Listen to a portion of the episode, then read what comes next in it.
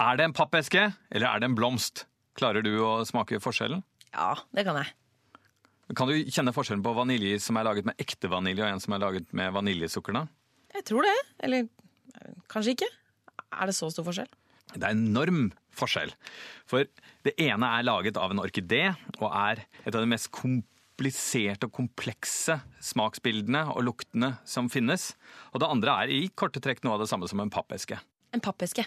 Dagens program skal handle om verdens mest edle orkidé, om oppfinnsomhet, slaver, juks, fanteri og cellulose. Med andre ord, det skal handle om vanilje.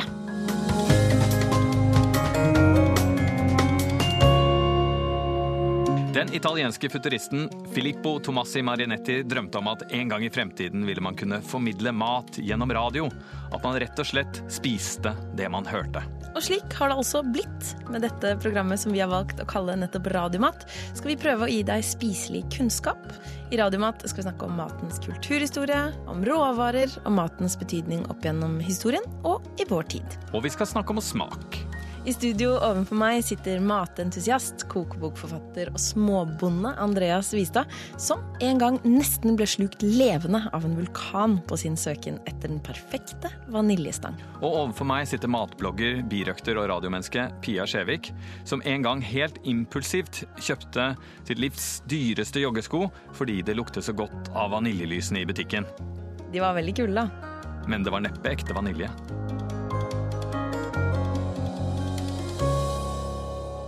I dag skal vi snakke om blomster og bier. Jeg trodde vi skulle snakke om vanilje. Ja, men eh, vanilje er en blomst, det er en orkidé, og blomster trenger bier.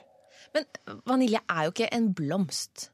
er kanskje litt uh, upresist å si. Vaniljen kommer av en blomst. Det er fruktlegeme til en, til en blomst, til en slyngplante, som opprinnelig vilt da vokste i jungelen i det som i dag er, er Mexico. Og hvordan vokser den? Ja, er den denne slyngplanten klynger seg til andre planter, og så øh, hvis den har optimale vekstforhold, så får den blomster. Uh, og, og da er det veldig fint. Det er en bok om vanilje av en som heter Tim Eckett. Uh, hvor han har reist hele verden rundt på jakt etter vanilje. Han beskriver hvordan liksom, den første vaniljen ute i jungelen klarte seg da uten mennesker. Og at da skriver han at, at blomsten åpner seg i det bleke morgenlyset. Og at den står der og er en ganske vakker, vakker blomst. Mm. Og så forhåpentligvis da, så kommer en bie og finner den og pollinerer den. Hvis det skjer, så vokser det videre og blir et sånn fruktlegeme, som er det som blir til vaniljestangen. Men hvis det ikke har skjedd innen eh, solnedgang, så bare faller blomsten til bakken, og, og det var det. Man har bare én sjanse? Ja, hver, hver blomst har én sjanse, men hver plante har jo flere, flere blomster. Da. Det må jo lukte helt fantastisk. Ja, på en måte så var det nok derfor, derfor menneskene oppdaget den. At eh, de først fikk denne her eh, grønne belgen. Det, den er det, grønn? Ja, først så er den grønn. Okay. Og den lukter ingenting. Absolutt ingenting. Så jeg har liksom vært og plukket vanilje selv, og, og, ble veldig slått av at den ikke lukter noen ting. Men så hvis den da på en måte vi, vi, forutsetter at vi fortsatt er ute i jungelen, så faller den ned til bakken. Og hvis den da på en måte råtner på riktig måte, så, eh, så setter det i gang massevis av prosesser og gjæringsprosesser i denne her, som gjør at det da til slutt lukter vanilje. Og det var det jo da folk som oppdaget for mange tusen år siden. Og vanilje ble høyt, høyt ansett. Da var det jo til og med sånn at de folka som bodde i jungelen, eh, de trengte ikke å betale eh, altså da var det, Etter hvert så ble det det store Astekerriket, som var det som var i eh, Mellom-Amerika da Columbus kom. Og da var det sånn at alle de folkene som var underlagt dette riket, måtte betale skatt inn. Og de fleste betalte skatt i form av mais, mm. men de som bodde eh, i jungelen nær det som eh, i dag heter Veracruz, de eh, kunne betale sin eh, skatt til sentralmyndighetene i form av vanilje. Hva brukte de vaniljen til? Antageligvis så brukte de den både i sånne religiøse seremonier og til den sjokoladedrikken sin, som var en sånn bitter og litt søt eh, drikk med sjokolade, vanilje og honning, og kanskje også chili i noen tilfeller. Men den var, den var en sånn blanding av noe du spiste som mat, og eh, noe som ble brukt da i religiøse seremonier. Så de brukte den både for lukt og smak? Ja, både for lukt og, og smak. Og så, og så, ble den da eh, liksom eh, introdusert for europeerne, e, egentlig veldig tidlig etter at europeerne kom. Og de skjønte også at det, det var noe veldig spesielt med den. Men først så hadde de ikke noe idé om hvordan planten så ut, så man importerte disse eh, vaniljebelgene som da hadde gått eh, fra eh, urfolk ute i jungelen til sentralmyndigheten, og så, og så videre. Og så ble det en mote i Europa uten at man visste hva det var. Men det høres jo ut som det ble ganske, en ganske eksklusiv og kostbar mote? Ja, ja, dette var for de veldig, veldig få. Altså, Da var det sånn at at dronning Elisabeth hun, hun, ble introdusert for dette helt på begynnelsen av 1600-tallet. Og hun ble helt sånn vaniljeavhengig. For du kan jo tenke deg så utrolig deilig vanilje lukter. Ja. Og, og, og, også så utrolig avhengig man var av godlukt. Fordi du kan tenke deg at overalt utendørs så var det ting som luktet vondt. Ja. Det var eh, rennesteiner, det var, eh, det var, eh, husdyr, det var litt tvilsom personlig hygiene. Og selv liksom i slott og sånn, så var det jo nettopp vanlig at man av og til liksom gjorde fra seg under trappa og den type ting. Så man liksom trengte disse her lukterommene. Eh, og, og, dronning Elisabeth var jo da så opptatt av det at det ble sagt at hun fikk en sånn vaniljeavhengighet. Hva er det for noe? Nei, at, at, du, at du, kan få at du, at du, kan bli avhengig av at du får en sånn blanding av svimmelhet og eh, sånn. Men med, med, disse kongelige så vet man ikke helt eh, Da var det jo sånn man dyrket sine litt sære sykdommer, da. ikke sant? Så, så vet ikke, det er jo ikke Det er jo noen som får eh, helsemessige problemer, de som jobber profesjonelt med vanilje, at det kan bli for overveldende, rett og slett. Altså en vaniljerus? Det er ikke en rus, altså. Jeg innbiller meg at jeg har fått det når jeg har vært eh, i sånne vaniljespekeområder, altså hvor, hvor, man driver vaniljeproduksjon, at jeg har merket at liksom, det er overdose, om det liksom bare er overdose av sanseinntrykk eller om det er en eh, fysisk effekt, det vet, jeg, det vet, jeg, ikke. Men i hvert fall i begynnelsen så var det da i Europa som et motefenomen, og det var verdens mest kostbare krydder.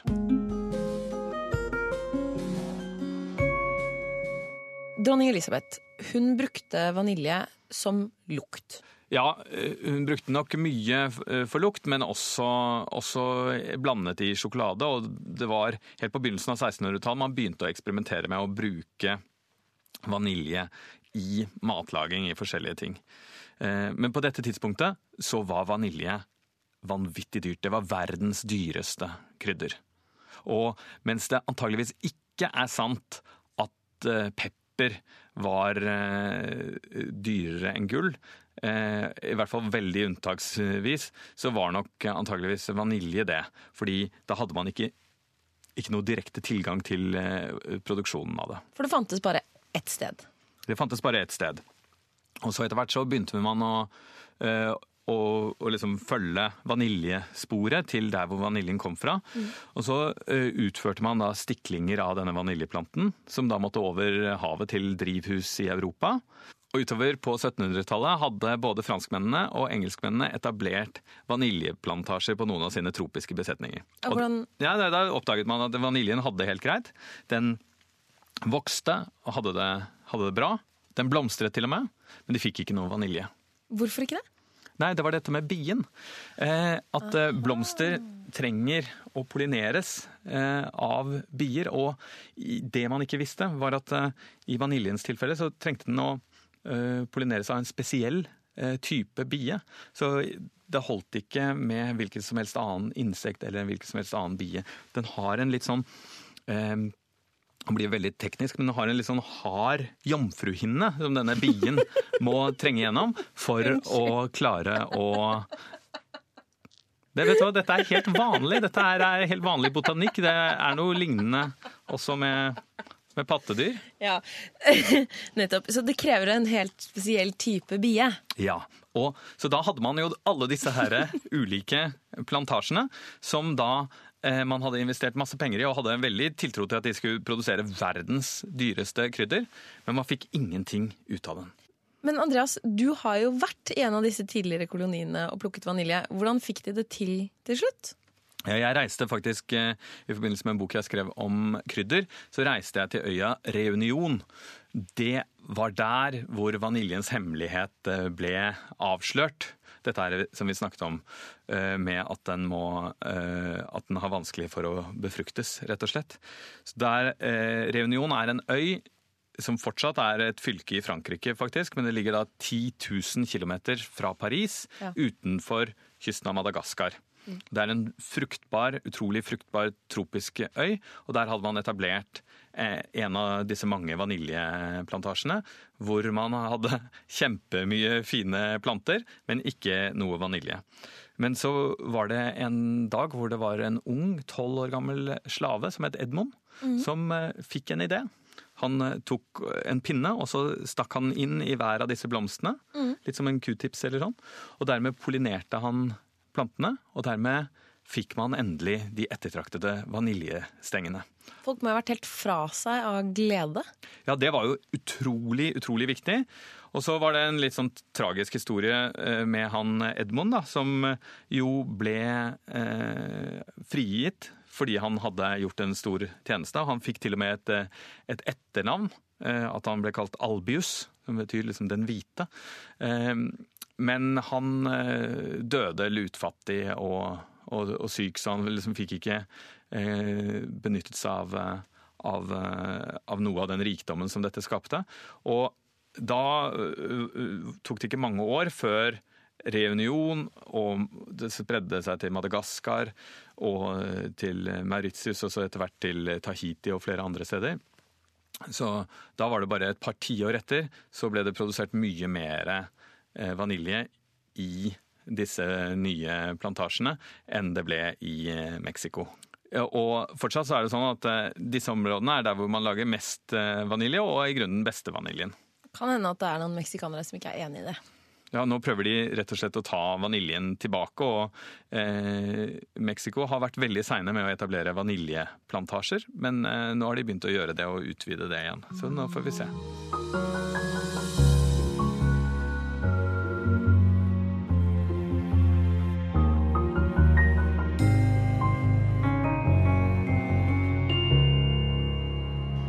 Vanilje er jo fortsatt veldig dyrt. Ja, og, det er jo fordi det er utrolig arbeidskrevende. Så det er det nest dyreste krydderet etter eh, safran. Det er også det nest mest arbeidskrevende etter eh, safran. For du kan ikke eh, lage kjempestore områder hvor du kan dyrke vaniljen veldig tett. Det er som sagt en slyngplante. Så jeg har vært på en del vaniljeplante plantasjer, bl.a. på Reunion. Og da er det sånn at uh, først kommer du inn i et stykke regnskog, mm. og så ser du jo ikke vaniljen for bare palmer og trær og alt mulig sånn. Så er det jo uh, Den er avhengig av at det ikke er uh, at det ikke er for tørt, at det ikke er for mye direkte sollys og sånn. Så den slynger seg da rundt ulike palmer og andre planter. Så dermed må du ha det over veldig stort område. Og så må man jo følge veldig med, eh, fordi at eh, du må rett og slett vite Du må gå, patruljere og se hver eneste plante hver eneste dag, fordi mm. at du har bare denne ene dagen til å pollinere disse blomstene. Og eh, etter at du da har fått denne grønne belgen som ikke lukter noen ting, så istedenfor at man lar dem falle ned på bakken, sånn som skjedde opprinnelig, ja. så man da, samler man dem da inn, og så speker man dem. Hvordan gjør man det? Ja, da, da dypper du dem nå, har de funnet ut at liksom det beste er å dyppe dem i varmt vann for å sette i gang en sånn spekeprosess. Og så legger man dem ute på, eh, på sånn netting hvor de skal være litt fuktig. Samtidig eh, så skal de ikke være så fuktige at de råtner. Og, og, disse spekeskurene er som sagt, der er, lukter jo så ekstremt intenst.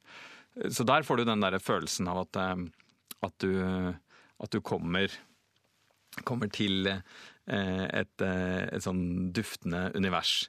En ting som gjør det enda mer kostbart og enda dyrere, er jo det at det er dyrt og eksklusivt.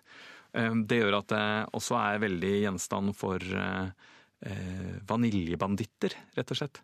Så det fins Det er et kjempeproblem det med at du må jo egentlig speke dem Eller bør speke dem på en måte ute i nærmest ute i jungelen, men du må ha bra sikkerhet eh, på det også. fordi at eh, det er jo lett da å gå inn og, og hvis du raner et sånn spekehus, så, så, kan du få med deg store, store midler på, på kort tid.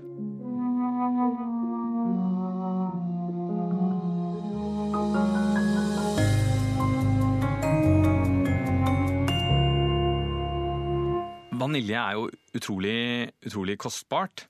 Og det sies jo at det er en av de hemmelige ingrediensene i Coca-Cola, f.eks. Oh, ja. Eh, det har jo ikke Coca-Cola villet eh, bekrefte, men det er jo på en måte noe av den samme eh, duften, så kan man eh, tenke sitt. Og, og, denne Tim Eckett, som har skrevet en uh, veldig fin vaniljebok, han har, bruker mye plass på å spekulere i dette, og går ganske langt i å, å påvise at det er en sammenheng mellom sånne mystiske Coca-Cola-oppkjøpere og hvor eh, ulike forsendelser med vanilje tar veien. Og dette bringer oss til forfalskningene. Ja, fordi eh, når man har noe som er så kostbart og så vidunderlig, mm. så har man jo lyst til å finne en snarvei dit. Og, og, man har jo på en måte funnet ut hvordan man kan dyrke det, mm. men da fant man jo ikke ut at det var en snarvei til mål. At det er selv når den er temmet, så er den en av de mest sånn kompliserte krydderne du kan dyrke. Men det man har oppdaget, er at eh, ett av stoffene i vanilje, nemlig vanilin, det fins mange i mange ulike ting. Det fins i, i papir, ja. fordi det også fins i trær. Så da har man rett og slett eh, funnet ut at man kan eh, lage Trekke ut vanilin også når man Eh, lager pappesker eller driver eh, celluloseproduksjon. Hvordan gjør man det? Altså det, det, er en kjemisk prosess som ikke er sånn forferdelig komplisert. Men eh, det betyr at når du kjøper vaniljesukker, ja. disse her boksene med vaniljesukker, så har ikke det noe med vanilje å gjøre. Så det er finmalt papp? Ja, det er ikke finmalt papp, men det er eh, noe av det samme stoffet som fins i papp. Og, og jeg, jeg, vet ikke om du har opplevd å flytte og så plutselig sitte med liksom 100 pappesker etterpå som man må rive opp og brette osv. Det har en sånn særegen eh, søtlig duft, som jo egentlig minner litt om vanilje. Ja, når du sier det. Det gjør det. Og, og, også, du kan lukte det noen ganger liksom på uh, nysagd ved. Det er noen av de samme eh, smaks- og aromastoffene som kommer eh, i vin når de har vært lagret på eiketønner. Så der er van vanilinen eh, brukt. Men eh, når du kjøper vaniljesukker, så eh, disse boksene, eh, blå-røde boksene med vaniljesukker, så har ikke den noe med vanilje å gjøre. Ingen orkidé ble skadet i produksjonen av dette vaniljesukkeret. Så det er bare juks og fanteri? Ja, det er det. Veldig mye eh, er eh, juks og fanteri. Og når du kjøper helt eh, vanlig vaniljeis, kommersiell vaniljeis, så er det jo ofte at hvis du ser innholdsfortegnelsen, så står det at det er enten står det vanilin eller står det vaniljesukker i ingredienslisten. Og og, og da, da, lager man altså vaniljeis uten, ofte uten fløte, uten eggeplomme og uten vanilje. Så det er bare, bare luft og ikke så veldig mye kjærlighet. Og, og, det man også har sett nå i det siste, er at det er noen som har begynt å kjøpe rett og slett vaniljefrø og blande det inn. Men at man bare kjøper det billig. Og så hvis det både står i ingredienslisten at det er vanilje Eh, og at det står vanilin, eller aroma, så er det ganske sikkert at det du smaker, er ikke vaniljen, men eh, vaniljesukkeret. Og da, man, da, bruker man vaniljepulver? Ja, da bruker man dette vaniljesukkeret som er eh, fra celluloseindustrien. Men det jeg syns er, er, kult, er jo at hvis man først har begynt å bruke litt grann vanilje hjemme, så kan man jo lage sitt eget vaniljesukker som er mye, mye, mye bedre. Og Hvordan gjør man det? Jo, fordi hvis du har laget en rett med vanilje, enten en vaniljesaus, som vi skal lage senere i programmet, eller, eller, en hvilken som helst annen rett, så er det ofte at du ikke trenger en hel vaniljestang. Og da kan du rett og slett ta enten den utskrapte vaniljestangen, eller den halve vaniljestangen du har igjen, eller den litt tørre vaniljestangen som du oppdaget eh, i en eller annen kjøkkenskuff. Og så kan du ta i en blender eh, sammen med sukker, og så bare mose det sammen inntil du inntil vaniljestangen har gått helt i oppløsning. Og så har du det i en lufttett beholder. Og da får du all smaken av den ekte vaniljen. Og det er en helt annen opplevelse. Fordi mens vanilin bare har den ene ganske deilige, men litt flate søtsmaken, så har jo eh, smaken av vanilje blitt eh, beskrevet på så utrolig mange forskjellige måter. Sånn, eh, du kan si at den er søt, ja. Den er også liksom floral. Og i sånn, mer sånn teknisk begrepet så kan man si at den er balsamisk, eller nesten litt sånn kjønnslig. At den er animalsk, soppaktig, lær, noen ganger litt støvete, litt kremete, noen ganger sånn baconfølelse på den. Kaffe, svette, moden frukt, nøtter, sviske, alkohol. Um, og det er jo det at det er, en, det er en smak du ikke kan fange, på en måte. Og man har prøvd å gjøre analyser da, av vanilje. Ja. For å sjekke hva er, hva er smaks- og aromastoffene. Og da er det sånn at uh, det er at man har notert seg mer enn 300 forskjellige aromastoffer. Og, sånn, uh, og, og, det er alt fra proteiner til sukker til estere til ulike typer alkohol, kvae tanniner, masse ulike stoffer. Noen av dem er det bare liksom to per million.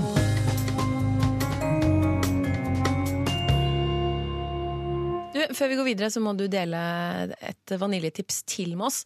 Fordi på kjøkkenet ditt eh, så står det en krukke som lukter helt magisk når du åpner den. Hva er det for noe? Ja, eh, jeg har det problemet at, eh, at jeg syns at vaniljestang ofte tørker tørker ut. Mm. Og noen ganger så har jeg hatt det privilegiet at jeg har reist i vaniljeområder, som bl.a. på Reunion, så har jeg kjøpt med eh, en, en liksom bunt med ekte vanilje. Og da eh, tar jeg rett og slett og har det på et glass med lokk, og så har jeg noen dråper eh, brennevin av noe slag oppi. Og, og da holder den eh, seg fuktig, og så selvfølgelig kan jeg bruke det brennevinet også i alt fra drinker til desserter. Men, men, det er først og fremst egentlig bare for å holde det fuktig og sørge for at det samtidig ikke, ikke råtner. Og Det er en veldig fin måte å få den eh, vaniljen til å ha nesten evig liv. Og du kan til og med eh, oppleve at, eh, at, en vaniljestang har tørket helt, helt ut. Og blitt helt hard, og den har mistet mye av lukten. Og så etter noen dager eh, bare med noen dråper eh, brennevin, så, så begynner den å blomstre igjen på en måte. Vanilje er jo veldig godt, men hvor mye forskjellig er det egentlig man kan bruke det til? Det er en av de tingene som jeg syns har vært spennende med å reise i områder hvor de eh, produserer vanilje. For der, eh, der, måte, der, ser man på andre måter også. og på Reunion, dette fantastiske fylket i Frankrike som ligger og flyter ut i Det indiske hav, der eh, bruker de det også i saltmat, altså ikke bare i, eh, i søte ting. Okay. Og uh, de har et, eh, et, veldig sånn rikt kreolsk kjøkken hvor man bruker eh, en del krydder. Milde, milde krydder. Milde, milde sånn karriblandinger okay. som minner litt om sånn norsk karri med K. Eh, men da er det jo sånn at eh, f.eks. til svin og and, også til noe fisk, så eh, bruker man av og til vanilje. Det er nesten litt eh, vanskelig å, å forestille seg. Hva har du f.eks. fått servert? Eh, der har jeg fått kjempedeilig ørret med flambert med rom og vanilje, og det er jo nydelig. Men også sånn Det som virker som en på en måte lukter som en vanlig karrirett, men som da ikke har noe chilibrennende i seg, og som har mye gurkemeie, sånn som norske krydder eh, karripulver, men som også har et lite hint av eh, vanilje. Og Det man da typisk gjør der, er at man bruker liksom annensorteringsvaniljen. Den ja. som ikke er eksportkvalitet, den finner man på mange morsomme, mange morsomme, ting å gjøre med. Og Da må man bare passe på å ikke bruke for mye av det. For det kan jo bli litt sånn kvalme hvis du bruker en hel vaniljestang i en, eh, i en karrirett. Så, så, får du den der litt sånn ubehagelige følelsen av at, at Eh, at desserten har invadert middagsmaten. Bruker du den på vanlig måte? Altså tar stangen, deler den i to, skraper ut frøene og, og har den oppi, eller hvordan gjør man det? Nei, eh, da, da, er det typisk eh, sånn at det er, den, eh, det er, den, dårligste vaniljen. Så da bare har jeg sett, når jeg har vært hjemme hos folk og laget mat, så har de bare liksom knukket av en liten bit av en helt tørr vanilje, og så bare smuldret den oppi. Oh, ja. um, men jeg tipper at hvis du skulle gjøre det liksom hjemme, så, så, bare pass på å ta liksom en sjettedel eller en åttendedel av en vanlig vaniljestang oppi. Og Særlig da sammen med, sammen med litt sånn aromatiske og feite ting, som eh, svin og and og, og feit fisk. Vi skal ikke lage karri med vanilje i dag, men du har funnet frem en oppskrift du skal dele med oss, Andreas. Ja, og for å feire vaniljen så skal vi ikke gjøre noe veldig eksperimentelt. Vi skal rett og slett eh, lage det mest tradisjonelle du kan lage. En hjemmelaget vaniljesaus. Det enkle er ofte det beste. Også. Ja, og mange tror jeg har veldig sterkt forhold til vaniljesaus, men det er også mange som ikke egentlig har smakt den, annet enn fra disse trekantene. Og jeg skal ikke være for kritisk mot de trekantene, det kan være ganske godt, det, men første gang du smaker en skikkelig vaniljesaus, så er det en helt annen opplevelse. Det er sånn at du kan liksom tenke, Selv om du aldri har smakt det før, så kan du tenke det er sånn min barndoms vaniljesaus smakte. Um, og det er egentlig ganske enkelt. Du tar 3 dl melk, 3 dl fløte, mm. 6 eggeplommer, 1-2 dl sukker, avhengig av hvor eh, søtt du vil ha, og en halv vaniljestang. Mm. Og det du da gjør, er at du deler vaniljestangen i to, så har du enten den øverste eller den nederste delen, og så deler du den på langs, skraper ut frøene, og så har du både vaniljestangen og frøene oppi sausen. Det er noen oppskrifter som sier at du bare skal ha frøene. Det er bare tull. Ja, det synes du bare er tull. Ja, fordi at veldig mye av smaken er jo nettopp ja. i, disse, i, i, i, denne belgen. Mm. Og så må man varme opp over lav varme. Piske det sammen, varme opp over lav varme. Og da er hemmeligheten rett og slett én ting. Tålmodighet. Ja. Hvis du eh, hvis du vender den ryggen, så kommer den til å begynne å skille seg. Så du må bare tåle at det tar eh, fem eller sju minutter. Ja. Eh, og da er det om å gjøre varmen opp til eh, mellom 65 og 70 grader. Ikke så mye varmere enn det. Hvordan merker du at den er det hvis du ikke har stekt armen til? Du ser at den tykner. Ja. Eh, ellers kan du bare stikke eh, lillefingeren nedi. Og hvis det er akkurat det er sånn at det gjør, eh, gjør, vondt å stikke den nedi, så pleier det å være da over 60 grader, og det er bra. Og så er det et eh, veldig liksom, eh, bra triks. Det er når du er ferdig med å, å, røre og du har fått riktig temperatur, ta den til side og så fortsett å røre i i hvert fall et minutt. Hvorfor skal du fortsette å røre etter at du har tatt den av varmen? Jo, for du kan tenke deg Bunnen på denne gryta er jo varm, og du vil ikke at den skal begynne å skille seg. For det er det mange som opplever at alt var perfekt, og så snudde de, og så liksom satte de den til side, og så skilte den seg etterpå. Så bare vente.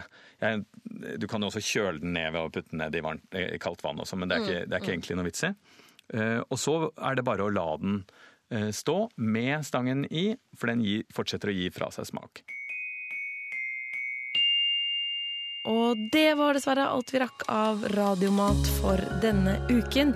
Men Radiomat-universet lever videre på sosiale medier hver eneste dag. Søk opp eh, NRK Radiomat på Instagram eller Facebook.